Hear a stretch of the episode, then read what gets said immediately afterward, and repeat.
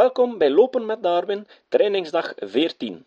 Het begint al ernstig te worden. Vandaag lopen we twee keer zes minuten en één keer zelfs zeven minuten. We beginnen met twee minuten lopen. Daaruit meen ik, kan de natuur der verwantschappen van alle bewerktuigde wezens tot elkander verklaard worden.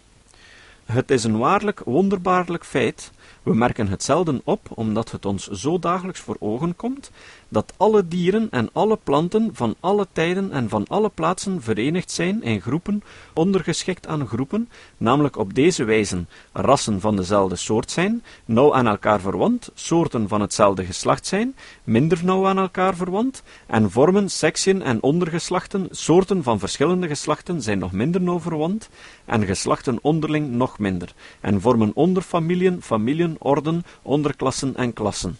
De onderscheidene, ondergeschikte groepen ener klasse kunnen niet op ene rij, maar schijnen eerder rondom zekere punten gerangschikt te moeten worden, en deze weder rondom andere punten, en zo vervolgens in een bijna eindeloos getal van cirkels.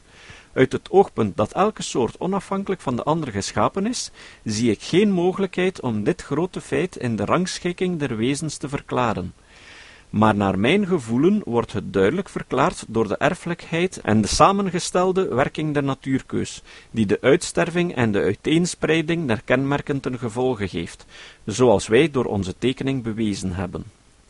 De onderlinge verwantschappen aller wezens van dezelfde klasse zijn somtijds bij een boom vergeleken. Ik vind dat de vergelijking zeer goed is. De groene en met bladeren bezette twijgen stellen de bestaande soorten voor en die twijgen welke in vorig jaar zijn gevormd, kunnen de vele uitgestorven soorten voorstellen. In elk tijdperk van de groei hebben alle twijgen getracht zich naar alle kanten te vertakken, en verder te groeien dan de omringende twijgen en takken, op dezelfde wijze als soorten en groepen van soorten getracht hebben andere soorten in de grote levensstrijd te overmeesteren. Eén minuut wandelen. Ja, ja. Ondertussen moet je toch wel al kunnen recupereren met één minuut in plaats van twee minuten wandelen, zeker, hè? Hoofdtakken verdeeld in dunnere takken, en deze wederom in al dunnere en dunnere, waren eens, toen de boom nog jong was, spruiten met bladeren en knoppen, en die verhouding van de tegenwoordige spruiten met bladeren en knoppen tot de verledene twijgen en takken, kan een zeer goede voorstelling geven van de rangschikking der uitgestorvene en nog levende soorten in groepen ondergeschikt aan groepen. Van de vele twijgen die groen waren toen de boom nog slechts een heester was, leven er nog slechts twee of drie, die tot grote takken geworden zijn en alle overige takken dragen. En zo is het ook met de soorten, welke in lang verledene geologisch tijdperken leefden. Slechts enkele hebben tegenwoordig levende en gewijzigde afstammelingen.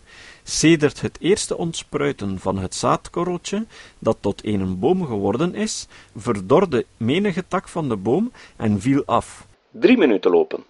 En die afgevallene dode takken van verschillende dikte stellen gehele orden, familien en geslachten voor, welke nu geen levende vertegenwoordigers hebben, en die wij slechts kennen, omdat wij hen in fossiele toestand hebben gevonden, gelijk wij hier en daar een dunne tak, laag aan de stam of tussen twee grote takken zien, die, door het een of andere toeval begunstigd, levend gebleven is, zodat hij is opgeschoten tot aan de kruin des booms.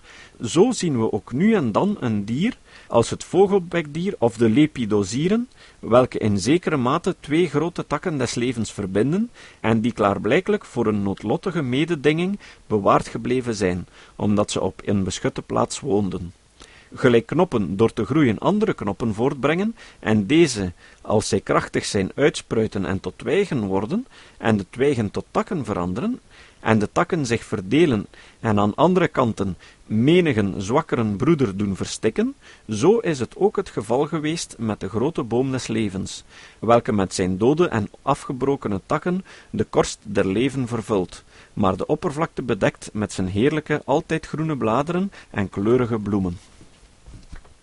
Je bent nu toch wel goed bezig, zeker? Vijfde hoofdstuk. Over de wetten der veranderlijkheid. De invloed van uitwendige toestanden. Het gebruik en het onbruik in verband met de natuurkeus. Het gewennen van het klimaat. Het verband der delen onderling. Vergoeding en evenwicht. Veranderlijkheid van werktuigen die slechts in beginsel aanwezig of weinig ontwikkeld zijn. Ongewoon hoog ontwikkelde werktuigen zijn zeer veranderlijk. De soorten veranderen meer dan de geslachten.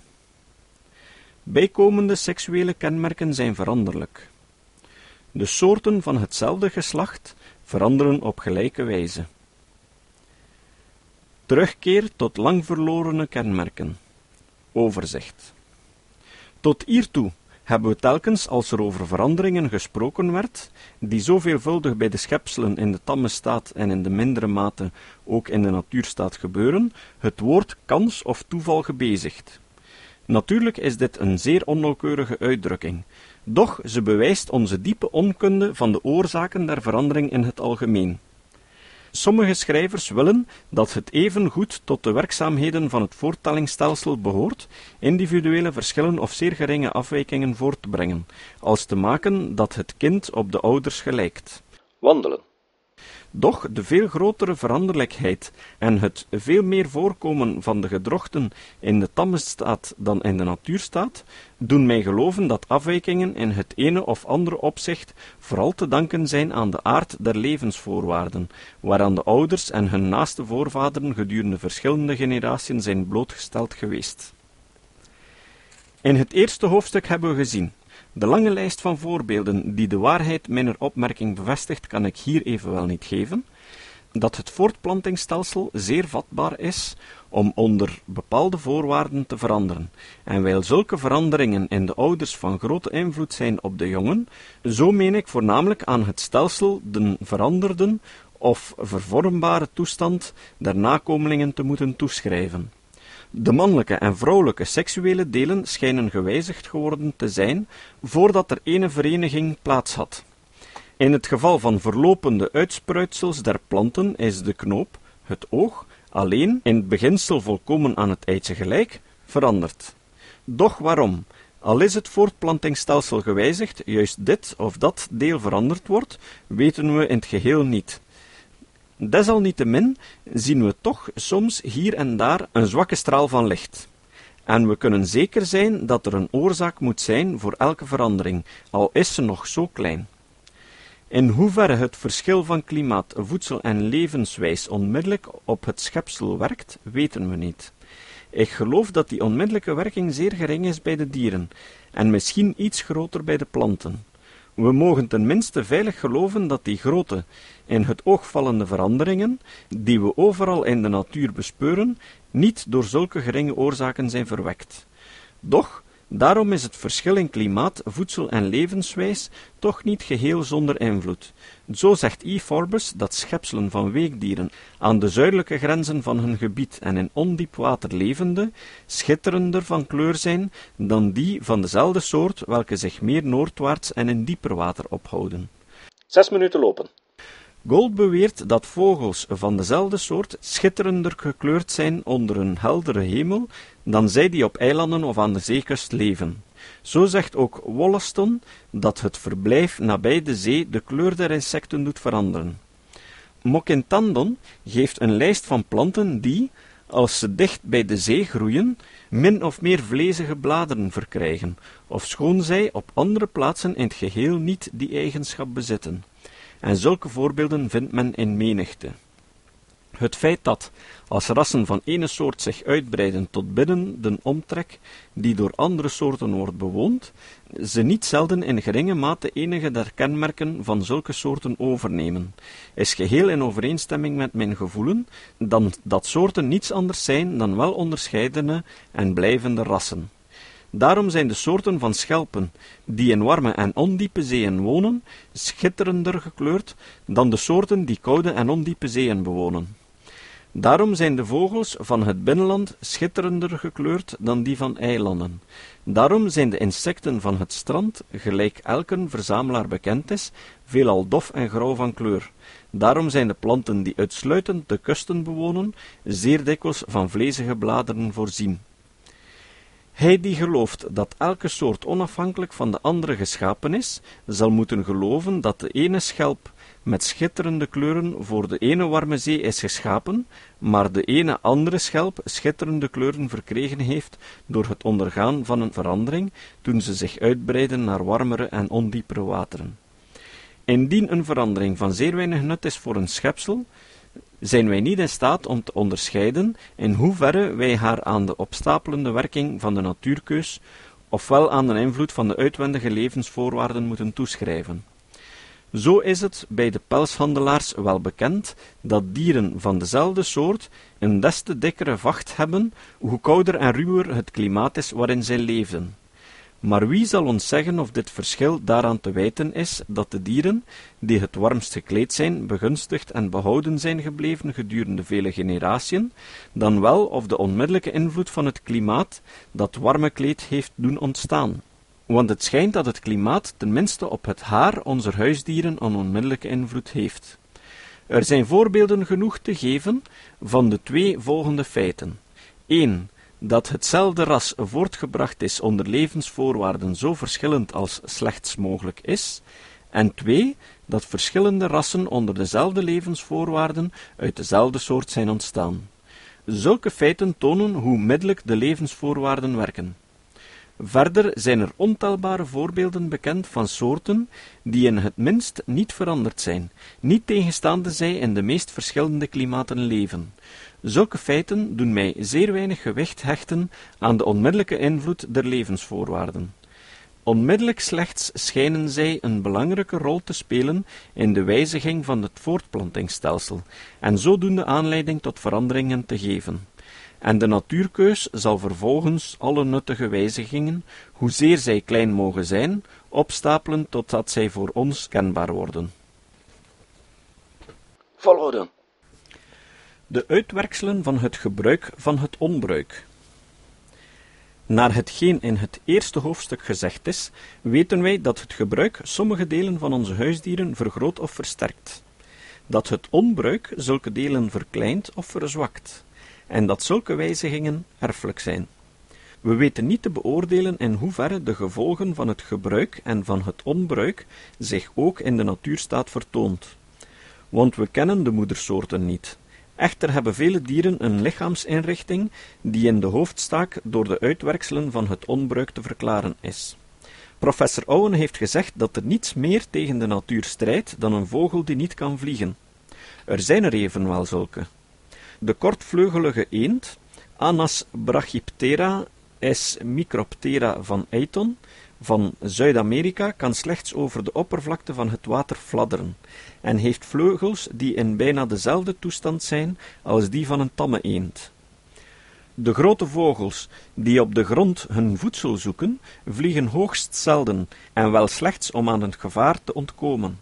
Ik geloof dat de bijna vleugelloze toestand van verschillende vogels die in de jongst verlopende tijden op sommige eilanden woonden, en welke door geen roofdier verontrust werden, veroorzaakt is geworden door het onbruik. Het is waar, de struisvogel bewoont het vasteland en is aan gevaren blootgesteld waaraan hij, omdat hij niet kan vliegen, geenszins kan ontkomen, maar door achteruit te slaan kan hij zich tegen zijn vijanden verdedigen, even goed als een der viervoetige dieren. We kunnen ons verbeelden dat de eerste stamvader van de struisvogel gewoonten had gelijk die van de trap, Otis, nog dertig seconden. En dat, daar de natuurkeus gedurende vele opeenvolgende generatiën de grootte en de zwaarte van zijn lichaam vermeerderde, zijn benen meer in gebruik en zijn vleugelen meer in onbruik kwamen, zodat de laatste uiteindelijk ongeschikt werden om voor vliegen te dienen. Kirby heeft opgemerkt, en ik heb later hetzelfde waargenomen, dat de voorste tarsi of poten van vele mannetjes van de mestkever zeer dikwijls afgebroken zijn. Hij onderzocht zeventien soorten van zijn verzameling en geen enkele vertoonde een spoor daarvan.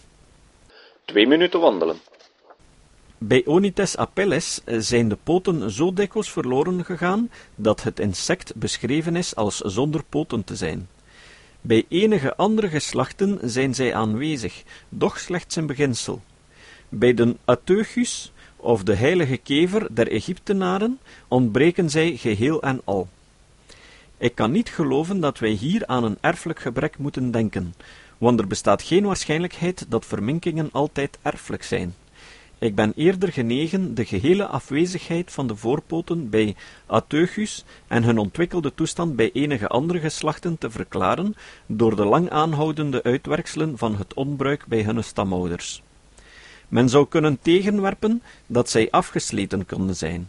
Nee, want zelfs de jonge mestkevers missen die werktuigen, en derhalve kan het te veel gebruik niet de oorzaak zijn. In vele gevallen kunnen wij lichtelijk verleikt worden om aan het onbruik wijzigingen in de lichaamsrichting te wijten, die geheel of grootelijk aan de natuurkeus toegeschreven moeten worden.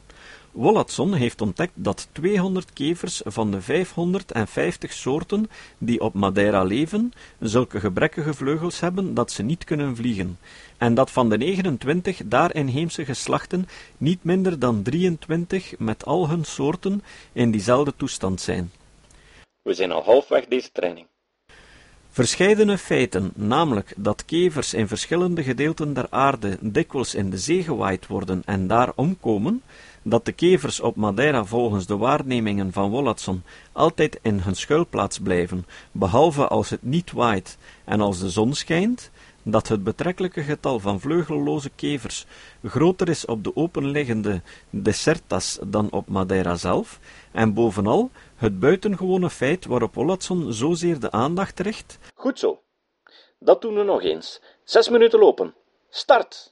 Dat er namelijk op het genoemde eiland bijna geen vertegenwoordigers zijn van andere grote groepen van kevers, die elders zo talrijk zijn, en welke een levenswijze voeren, die veelvuldig vliegen tot een noodzakelijkheid maakt. Die verschillende feiten doen mij geloven dat de vleugelloze toestand van zoveel kevers op Madeira voornamelijk te danken is aan de natuurkeus, hoewel misschien in vereniging met het onbruik. Want gedurende duizenden opeenvolgende generatiën zal elke kever die het minst vloog, of omdat zijn vleugels slecht ontwikkeld waren, of omdat hij er te lui toe was, de beste kans gehad hebben om niet in zee gewaaid te worden, en dus om in leven te blijven.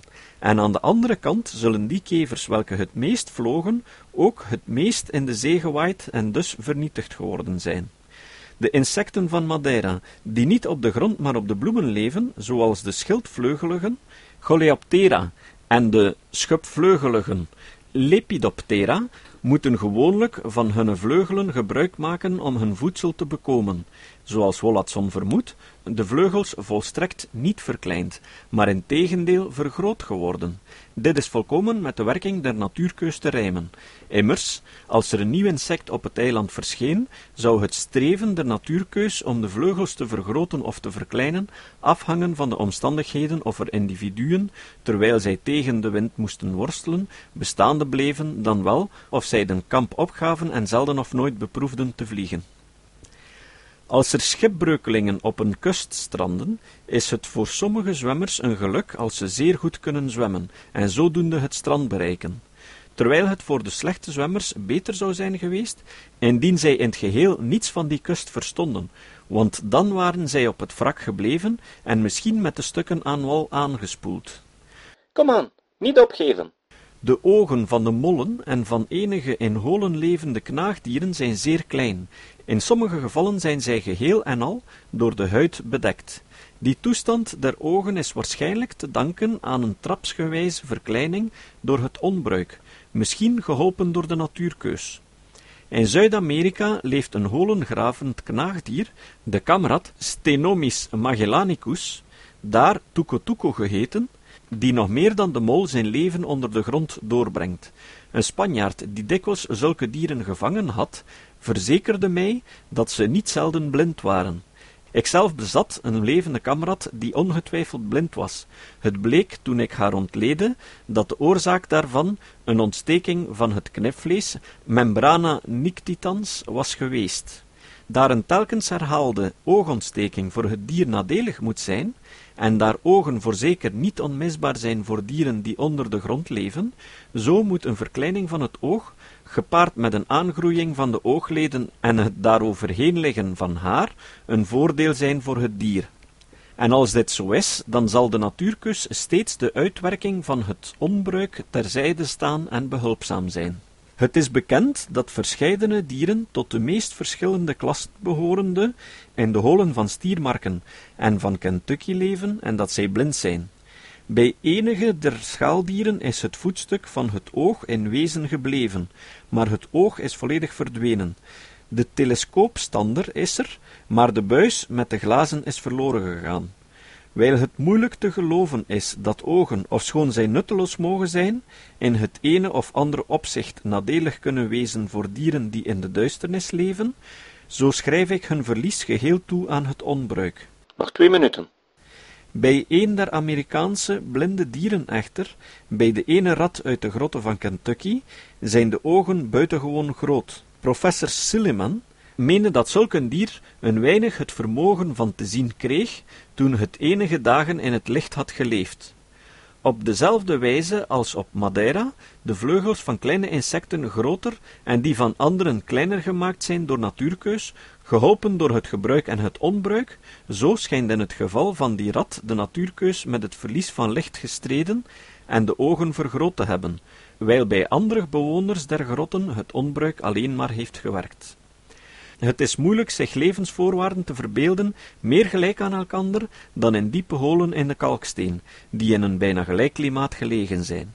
Naar het gewone gevoelen dat de blinde dieren afzonderlijk geschapen zijn voor de Amerikaanse en Europese holen, zou men mogen verwachten dat er een nauwe verwantschap in elk opzicht tussen hen zou bestaan.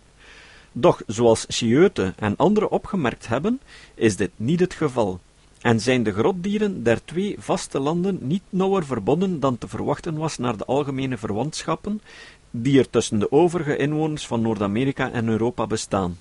We moeten, dunkt mij, veronderstellen dat Amerikaanse dieren met gewone gezichtswerktuigen langzamerhand gedurende vele generatiën verhuisd zijn van de oppervlakte der aarde naar al diepere en diepere grotten, van de holen in Kentucky, zoals de Europese dieren deden, naar de holen van stiermarken.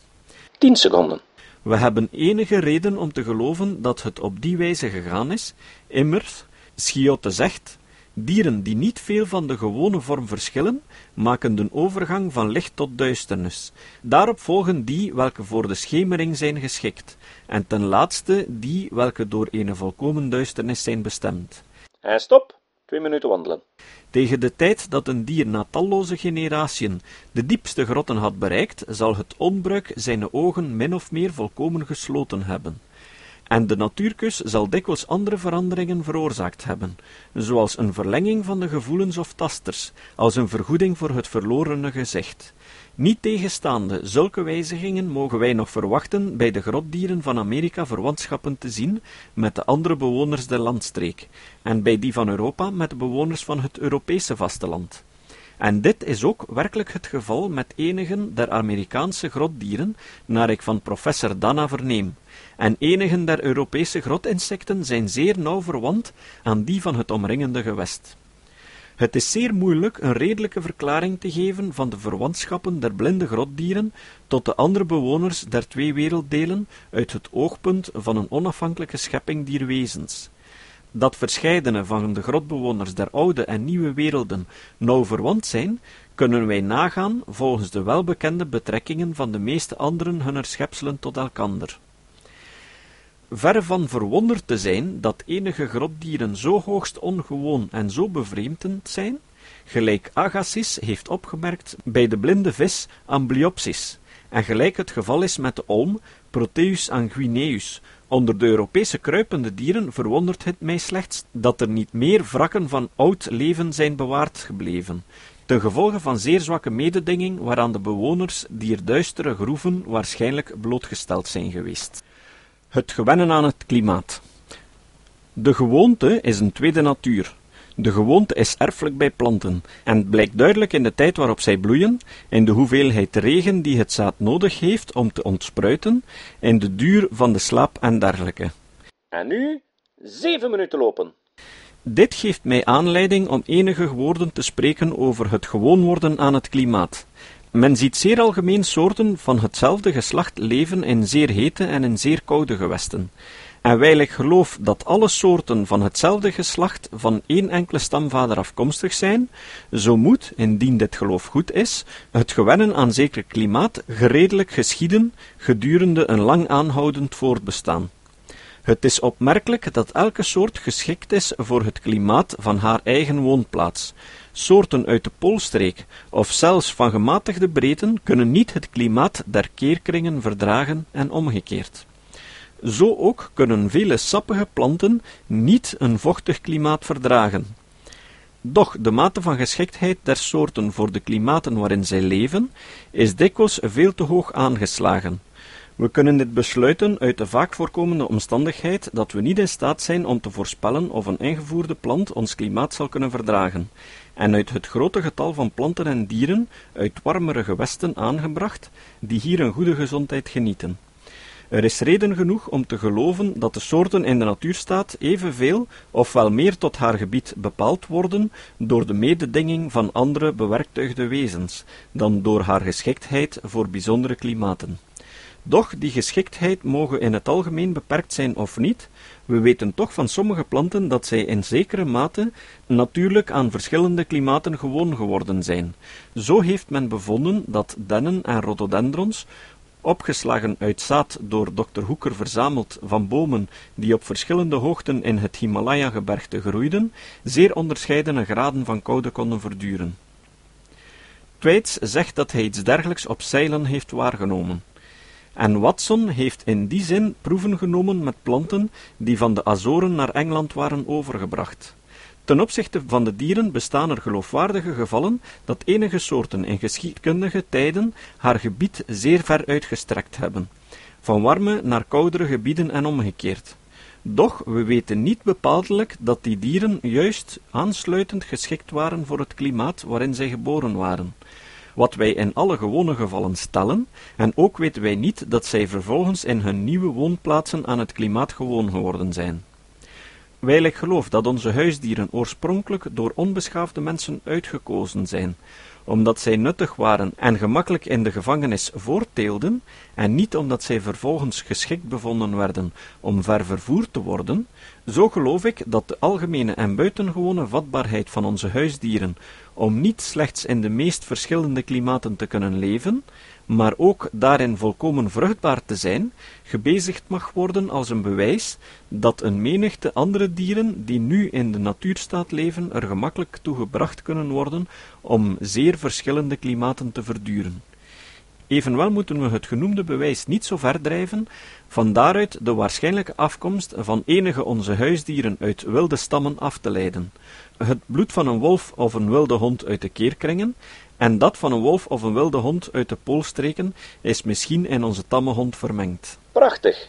De rat en de muis kunnen niet als huisdieren beschouwd worden, maar zij zijn door de mens naar vele delen overgebracht en hebben nu een veel groter gebied dan enig ander knaagdier. Ze leven in de koude klimaten van Ferreur in het noorden en van de Falklandeilanden in het zuiden, en ook op de vele eilanden tussen de keerkringen.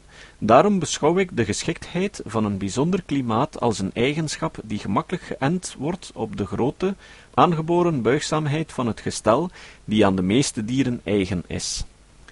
Derhalve moet de eigenschap van de mens en van zijn huisdieren om de meest verschillende klimaten te kunnen verdragen, en moeten zulke feiten als dat vroegere soorten van de olifant en van het neushoorndier in staat waren om een bevroren klimaat te verdragen, terwijl de nu levende soorten allen tussen of bij de keerkringen leven, niet als gedrochtelijke eigenschappen beschouwd worden, maar slechts als voorbeelden van een zeer algemene buigzaamheid die zich onder bijzondere omstandigheden heeft ontwikkeld. Het is zeer moeilijk uit te maken of het gewennen ener soort aan een bijzonder klimaat verschuldigd is aan de gewoonte alleen, of aan de natuurkeus van rassen die een verschillende aangeboren geschiktheid bezaten, ofwel aan beide middelen verenigd. Dat de gewoonte enige invloed heeft, moeten wij geloven, zowel door analogie als door de telkens in elk landbouwkundig handboek, zelfs in de oude Chinese encyclopedieën, gegevene raad om zeer voorzichtig te zijn in het blootstellen van dieren uit zeker gewest aan de invloed van het klimaat uit een ander. Nog twee minuten. Het is niet denkbaar dat het de mens gelukt zou zijn zoveel rassen en onderrassen uit te kiezen met gestellen zo bijzonder geschikt voor de landen waarin zij leven. Het is vooral te danken aan de gewoonte. Aan de andere kant twijfel ik niet of de natuurkus zal steeds trachten zulke individuen te behouden, welke geboren zijn met de gestellen het meest geschikt voor hun geboorteland. In verhandeling over vele soorten van gekweekte planten vindt men vermeld dat zekere verscheidenheden gehouden worden als beter dan andere weerstand te kunnen bieden aan zeker klimaat.